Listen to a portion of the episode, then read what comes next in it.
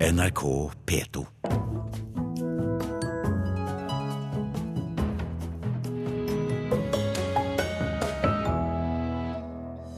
Norske Walid Ahmed er dømt til elleve års fengsel for konsertsvindel i USA. Advokaten vurderer anke. Nytt regjeringskvartal handler om mye mer enn bevaring eller ikke-bevaring av Høyblokka, mener arkitektene som utlyser egen konkurranse for stedet. Fuktig klima truer Jugendhusen i Ålesund, og jazzgruppen Comshine gjenforenes denne uken. Vi hører resultatet. Her i Kulturnytt i Nyhetsmorgen med Hugo Fermariello i studio. I går ble Walid Ahmed dømt til elleve års fengsel i en domstol i Los Angeles i USA for å ha svindlet en amerikansk investor for nesten seks millioner kroner. Ahmed lurte investoren til å tro at han hadde rettighetene til popstjerne Justin Biebers konserter i Skandinavia, og straffen var to år lenger enn aktoratets påstand. Overraskende strengt, sier aktor Andrew Brown. I was surprised. Uh, ordinarily, judges um, impose a sentence in between what the prosecution recommends and what the defense recommends. Here, I recommended a sentence of 108 months, and the judge imposed a sentence of 132, or two years more. Um, it's certainly not unheard of for that to happen, but it's rare. Det er ikke uhørt, men uvanlig at dommeren ikke faller ned på en straff noe midt imellom forsvareren og aktoratet, sa aktor Andrew Brown.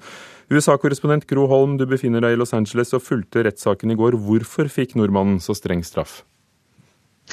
Ja, Dommeren gjorde det helt klart at han mener at Ahmed fortsatt er farlig for samfunnet. At det er en stor fare for gjentagelse, eh, selv om han skulle befinne seg utenfor USAs grenser. Og han mente at nordmannen ikke har skjønt alvoret i det han har gjort, trass i at han valgte å tilstå med det samme han ble arrestert av FBI, og siden samarbeidet under, eh, under etterforskningen. Han sa i retten at han angret seg, ville starte et bedre liv. Men så har altså dommeren ikke lagt vekt på dette. Hvorfor? Nei, og det skyldes først og fremst innholdet i noen e-poster eh, som, eh, som kommet da offentligheten for øye. Eh, hvor han kommuniserer med en angivelig medsammensvoren i Norge, og ellers eh, venner og, og, familie. Skal vi høre hva aktor eh, Andrew Brown sier om det? You, the emails from jail really were the most critical factor because it showed what was in the defendant's heart. And what that was, was no respect for the investor, holding him in contempt, uh, gloating over the pain he had caused him, and planning on doing it to other people. E-posten er altså det mest kritiske, sier aktor, som viser hva den tiltalte hadde på hjertet. At han hadde overhodet ingen respekt for investoren, hans følelser, og at han ville planlegge å gjøre det uh, mot andre siden. Og Dette var jo også noe av bakgrunnen for at uh, dommen ble utsatt da den skulle ha falt i, i juni i, i, fjor. Og Grohan, du har snakket med mannen som ble lurt til å tro at han hadde kjøpt rettigheter til Bieber-konsertene i Skandinavia. Hva er det han sier? Ja, han var, helt, han var, helt, overlykkelig. Han sa at jeg er overrasket og litt sjokkert. Så han, da han var på vei til å gå om bord fly, på flyet til Costa Rica. Eh, han eh, sa han hadde ventet eh, at, han, at, han, ville få mellom åtte og ti år, og så ble det altså elleve. Og han er selvfølgelig også ganske fornøyd med at han nå vil få tilbake de én million dollarene som han tapte, pluss plus litt til for tort og svie. Og renter får han riktignok ikke, men, men han regner i hvert fall med å få tilbake pengene en eller annen gang. Men hvordan skal eh, dette skje? For Walid Ahmed er jo en eh, mann som sitter i fengsel snart? Ja, altså det må jo da Han må jo samarbeide for å avdekke alt som finnes av kontoer og aktiva som man måtte ha i Norge. Og der mener jo dommeren, og sa det rett ut, at uh, de mener at en del av de midlene som finnes uh, i familiens navn, faktisk tilhører uh, Walid Ahmed. Og de må vel også regne med at de pengene går til å betale erstatningen. Takk skal du ha, korrespondent Gro Holm på plass i Los Angeles. Og Hans Marius Grosvold er Ahmeds norske advokat. Han vurderer å anke dommen. Foreløpig så vil jeg vel si at alt taler i retning av en anke, men igjen, vi får vente og se også til etter at vi har, har satt oss inn i dommen. Forsvarers påstand var 18 måneder. Det mente vi etter en Helles vurdering var en rimelig straff. Eh, når aktor har ment at en rimelig straff er ni måneder, og retten topper det med to år til, så er det helt naturlig at man da vurderer en anke. Hvis man velger å ikke anke, hva vil det ha å si for eh, muligheten for soningsoverføring her? Nei, eh, Justisdepartementet, som jo eh, har ansvaret for det arbeidet, eh, kan jo ikke gjøre noe før vi har en rettskraftig dom. Men Det er klart det er jo også en del av denne vurderingen. Velger man å anke, så utsetter man arbeidet med en soningsoverføring. Men med en så streng dom, så er det samtidig fare for at det vil kunne være vanskelig uansett å få til en, en avtale. Eh, så jeg eh, håper også å få konferert med eh, Justisdepartementet her hjemme for å høre hvordan de ser på mulighetene for en soningsoverføring med denne dommen. Og så får vi rett og slett gjøre en helhetsvurdering etterpå. Sa Hans Marius Grosvold, altså norsk advokat for Walid Ahmed, som er dømt til elleve års fengsel i USA i går.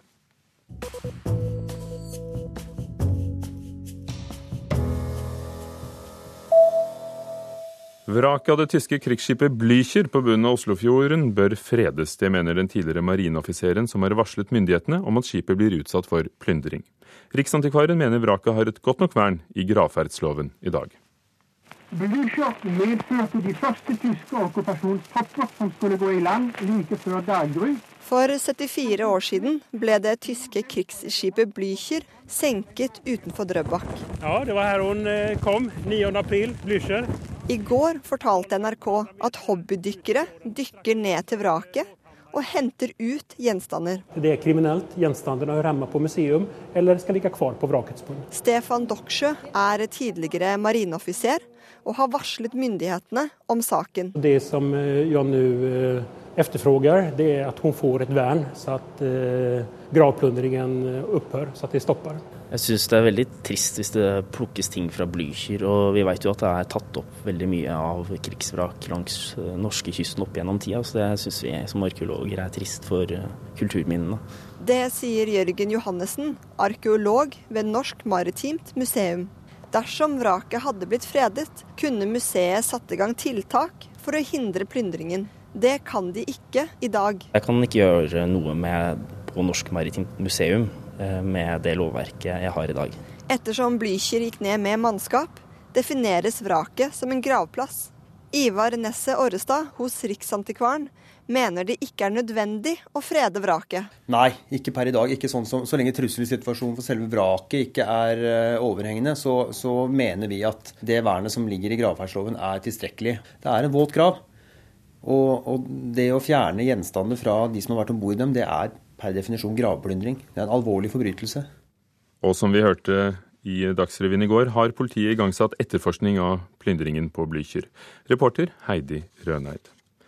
Flere filmarbeidere som arbeidet med produksjonen av filmen 'Glassdukkene', har ikke fått all lønnen de mener de har krav på. Hovedpersonen i filmen er samisk detektiv Vaslak Eira, som skal løse krimgåter over på norske kinoer fra 4. april, når filmen har premiere. Men bak kamera pågår en konflikt mellom produsenten og Norsk Filmforbund. Vi fikk bekymringsmeldinger fra bransjen i Nord-Norge om at vi burde kanskje se litt nærmere på denne produksjonen. Det sier Terje Lind Bjørsvik, prosjektleder for film- og TV-drama i Norsk Filmforbund. Det viste seg at staben i Glassdukkene jobba under det forbundet mener er svært kritikkverdige forhold. Ti timers normaldag, men de hadde øh, ikke signerte kontrakter. Det nærmer seg premiere på filmen som regisseres av Nils Gaup. Innspillinga foregikk i Troms i fjor høst, og det var i stor grad nordnorske filmarbeidere som jobba på produksjon. NRK har vært i kontakt med flere av dem, som bekrefter at kontrakter og lønn var et konflikttema. Kontraktene filmarbeiderne hadde fått forelagt fra produsent Thomas Backstrøm i Eira Film AS, var ifølge Bjørsvik ikke i tråd med arbeidsmiljøloven. Det var et fast kronebeløp som var eh, betalingen for filmen. Uh, uansett om det ble helgejobb, om det ble overtid, om det ble nattarbeid, så skulle det beløpet dekke alt. I det tilfellet her så var det jo ekstremt at vi ikke fikk kontrakter før eh, produksjonen nesten var ferdig. Det sier Yvonne Thomassen, som var tillitsvalgt under produksjonen. Hun måtte jobbe hardt for å få kontrakter og tarifflønn til de ansatte før produksjonen ble avslutta. Likevel utestår fortsatt rundt 100 000 kroner til fire ansatte, som Filmforbundet og deres advokat nå krever Bakkstrøm for. Det er ganske komplisert har vært å regne fram lønningen til respektive av alle disse menneskene som har vært ansatt. Og Det kan godt være at de fire som da føler at de har fått hva skal de kalle det for feil beregnet lønn, har fått feilberegnet lønn, og da må vi gå tilbake og regne om igjen. Sier Thomas Bakstrøm, som mener at Eira Film har holdt seg til arbeidsmiljøloven. Grunnen til at det ikke ble skrevet kontrakter, mener han er kompleks. Mens filmarbeidere sier til NRK at de flere ganger har krevd produsenten for utestående lønn, sier Bakstrøm at dette er nytt for han. For det første så må jeg jo si at jeg syns det er litt underlig at det kravet kommer,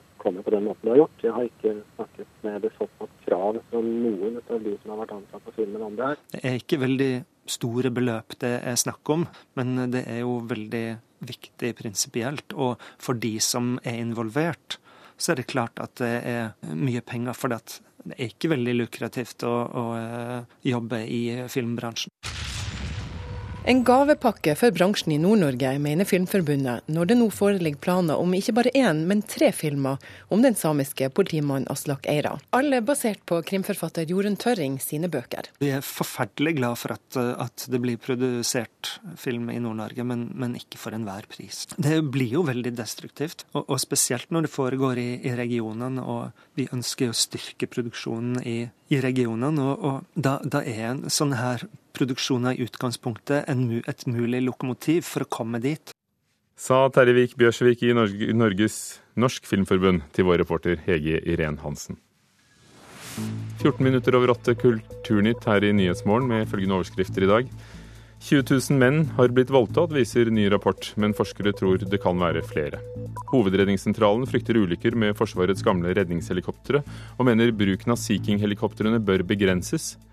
LO vil flytte pensjoner fra livselskapene til en ny felles pensjonskasse, men kan ikke vise at det blir billigere. Og senere i Kulturnytt skal vi høre fra Comshines nye plate De er gjenforent etter ti år. Regjeringskvartalet handler om så mye mer enn å bevare eller rive, sier redaktøren av Arkitektur-N. Sammen med arkitekturgalleriet 0047 i Oslo har det anerkjente tidsskriftet utlyst konkurransen Nye veier for Høyblokka. Ingrid Helsing Almås, redaktør i Arkitektur-N, Hva er det dere vil? Det vi vil er jo å prøve å belyse det som vi mener er det viktigste spørsmålet i forhold til regjeringsbygget, nemlig hva vil vi? Det, vi mener jo egentlig at debatten har kommet galt av sted. Ehm, det er blitt et spørsmål om riving eller bevaring, og hva man skal gjøre med eh, det bygget som var et eh, terrormål. Det er jo et mye større spørsmål eh, enn bare å rive og bevare. Hva er i veien med den utredningen og, og den prosessen som regjeringen har satt i gang? For det har jo vært en stor analyse som har vært gjort. Det er vel egentlig ikke noe i veien med den, men den kommer på feil tidspunkt. Um, ekspertene skal selvfølgelig få si sitt, og man må ha kunnskap om hva det bygget skal brukes til, og hva det er mulig å bruke det til, osv. osv. Men når det ender opp med et spørsmål om hva som er samfunnsøkonomisk lønnsomt, da blir jeg utrolig eh, provosert. Altså, dette handler jo ikke om lønnsomhet. For å si det sånn, så var det jo ikke statens lommebok som var terroristens mål. Det var sentrale verdier i eh, dagens eh, norske samfunn. Og det er på det nivået at vi må svare. Og da kommer lønnsomhet. Altså, det er et helt irrelevant spørsmål for meg. Og på hvilken måte kan arkitektur og arkitekter besvare Eh, det angrepet som fant sted? Arkitekturen er et veldig sterkt virkemiddel i å vise eh, hvordan det er man vil at mennesker skal leve sammen. Eh, ikke minst i byen, hvor de bygde omgivelsene jo er eh, på en måte rammen rundt eh, alt vårt liv. Um, og det er klart at, uh, at da um, har vi jo en mye større spillerom i uh, å gi uttrykk for uh, verdier enn bare å se på liksom, praktiske hensyn i forhold til hvor mange departementsansatte som skal ut og inn, og hvor det er effektivt å drive kontor og den type ting. Arkitekturen kan bidra med så uendelig mye mer. Men på et eller annet tidspunkt så handler det jo om et program. Altså så og så mange skal jobbe. Et eller annet sted skal de gjøre det, og det skal være så og så sikkert. Selvfølgelig. Eh, men, eh, og det kan jo godt være for den del at man kommer til at de kan ikke jobbe der. Men det behøver ikke bety at man skal f.eks. rive det bygget. Eh, det bygget har jo fått, i kraft av å være et terroroffer, det også, eh, en utrolig symbolkraft som det ville være svært uklokt å, å kaste vekk av eh, økonomiske hensyn. Så der ser du, veldig fort så handler det om riving eller ikke riving, selv for deg, når du snakker om det, av denne karakteristiske Høyblokka og blokken ved siden av? Nei, ikke i det hele tatt. Altså, det finnes jo mange andre måter å ta vare på ting på og bruke ting på enn å eh, rive og ikke rive. Eh, hele verden er jo full av eh, svært flotte eksempler på hvordan gamle bygg og nye tillegg har virket sammen. Så vi må både forklare noe om fortiden og om fremtiden. Så hva slags bidrag ønsker dere dere når dere får dem inn altså Mandag er det frist, så kanskje det er noen flere som bidrar etter dette? Mandag er det frist, og eh, vi forsøker jo å få frem eh, så mye vi kan. Ingen tanke for stor, ingen for liten. Vi har eh, invitert arkitekter og kunstnere, det er våre miljøer. Men i prinsippet er dette åpent for alle. Det trenger ikke å ta mer enn et par timer med noen interessante deltakere rundt et lunsjbord. To timer til å lage en tegning eller skrive en tekst eller lage en kollasj eller komme med, med, et eller annet annet fysisk bidrag. Gjerne modell. Gjerne modell. Uh, vi er åpne for alle typer inntrykk. Dikt, tekster, hva det måtte være, som kan være med i en idésamling som kan åpne denne diskusjonen. Mandag er fristen. 27.3 eh, vises det på Galleri 0047 i Oslo. Så skal dere åpent debattmøte etter hvert også. Eh, men hvordan tenker du at de ideene, visjonene som kommer frem, kan brukes av dem som faktisk til slutt skal tegne, bygge og planlegge? Det viktigste er jo å mate den diskusjonen som allerede pågår. Så vi håper jo å, å kunne bidra til det. Og hva det blir til etter hvert, det vil jo tiden vise. Men det flotteste ville jo være om vi kunne påvirke den prosessen som nå pågår, i forhold til hva som faktisk skal skje med bygget. Takk, Ingrid Helsing Almås, eh, redaktør i Arkitektur.N. Et stadig våtere klima truer jugendhusene i Ålesund. Jugendstilsenteret skal finne ut av hvor skadelig nedbør og vind er, og har søkt Kulturdepartementet om 200 000 kroner for å gjøre det. Kjelleren i Jugendstilsenteret i Ålesund er også rammet av fukt, forteller sjefen Nils Anker. Her sto det vann da over hele kjellergulvet. Og da går det kanskje ett til to år, og saltet presser seg gjennom puss og malinglag. Og så begynner det å drysse ned. Og dette er en stor utfordring for oss både som museum, men like gjerne som gårdeier. Hvis man ikke får satt i gang med ordentlige tiltak som hindrer vannet i å trenge inn. Nils Anker ved Jugendstilsenteret i Ålesund er bekymra. Havnivået er venta å stige én meter i løpet av hundreåret, og klimaet skal bli både villere og våtere. Jobben nå blir å finne ut hvordan de gamle murhusene i byen kan stå imot vind og hvete. 200 000 kroner fra Kulturdepartementet kan komme godt med. Med de klimaendringene som vi har i dag, og med, det, og med varselet om at vi får mer vær og vi får stigende havnivå, så vil det problemet kunne bli ganske stort for spesielt den gamle muregårdsbebyggelsen i Ålesund. Og det er et relativt høyt antall bygninger. Noen bygninger ligger på skjær og ligger litt høyere opp, mens andre har kanskje dypere kjellere og ligger på utfyllinger. Og der vil eh, sjøen lettere kunne trenge inn. Sa Nils Anker i kjelleren ved Jugendstilsenteret i Ålesund til vår reporter Toril Øvrelid. I løpet av de siste ti årene er det bygget eller planlagt kulturhus for 13,5 milliarder kroner, viser en kartlegging Aftenposten har gjort. Det tilsvarer 61 kulturhus, hvor Kilden i Kristiansand er det dyreste, til 1,73 milliarder kroner. Men byggingen er godt i gang av et av Norges eh, også mest kostbare kulturhus i Stjørdal i Nord-Trøndelag. Det skal koste 717 millioner kroner og vil stå ferdig i mai neste år. Dette gir store muligheter uten at det koster særlig mye, sier styrelederen Ola Morten Teigen fra Fremskrittspartiet. Selv om vi står på en stillasje, så skuer vi utover taket på kirka. Det har begynt å komme på. Stålkonstruksjon, bærekonstruksjon får taket på administrasjonsfløya til høyre. Så ser vi nedi, nedi storsalen vi har igjen en etasje der på veggene før vi er oppe i riktig nivå. Vi befinner oss omtrent 17 meter over bakken. Det her er høyden på det nye, gedigne kulturhuset i Stjørdal, som skal stå ferdig om et drøyt år. Ja, Det er alt under kontroll. Vi er helt i rute i forhold til planen. Det sier Frode Berg, som er prosjektsjef for Skanska. Men det er den lokale Frp-eren Ola Morten Teigen som er styreleder og har det politiske ansvaret for kulturhusprosjektet på 717 millioner kroner. For oss har det vært veldig viktig å sørge for at dette er noe som er eh, retta inn mot brukerne, innbyggerne våre. Eh, at det ikke skal være en sånn eh, såkalt finkulturplass, men at dette er noe som innbyggerne har bruk for. Det vi ser her nå er bærekonstruksjon for kirka i stål da, mot nord, og i, utført i stål mot nord og mot øst. Her er det jo gjør døren her, vi gjør porten vid, da. som vi ser. For i tillegg til bibliotek, kinoer, konsertsaler, musikkskole og ungdomshus, bygger de ei splitter ny kirke som en del av kulturhuset. Rockekonsert og begravelse på en gang. Det er mulig. Jeg håper. Prislappen på 717 millioner kroner har vært mye omdiskutert. Men Teigen er sikker på at både kommune og innbyggere vil komme godt ut. Hovedpoenget er at vi har eh, veldig mange kulturfunksjoner som eh, samtidig er utdatert. Vi har eh, musikk- og kulturskole som har levd mange år på overtid i kjelleren på rådhuset. Samtidig så har vi en kino som har gått ut på dato for mange år siden. Og istedenfor å drive med et underskudd, som kinoen gjør i dag, betydelig, så vil det bety at man kan ha en liten inntekt på det isteden. Dette gir muligheter uten at det koster oss særlig mye, egentlig sa Ola Morten Teigen fra Fremskrittspartiet om Kulturhuset som reiser seg i Stjørdal i Nord-Trøndelag. Reporter Julie Haugen Egge. I Kulturnytt har vi hørt at aktor selv var forbauset over at dommen ble så streng som elleve års fengsel for norske Walid Ahmed. Han er dømt i Los Angeles for svindel med konsertrettigheter til popstjerne Justin Bieber i Skandinavia. Hanne Lunås var teknisk ansvarlig, Halvor Haugen produsent, Ugo Fermeriello programleder for Kulturnytt.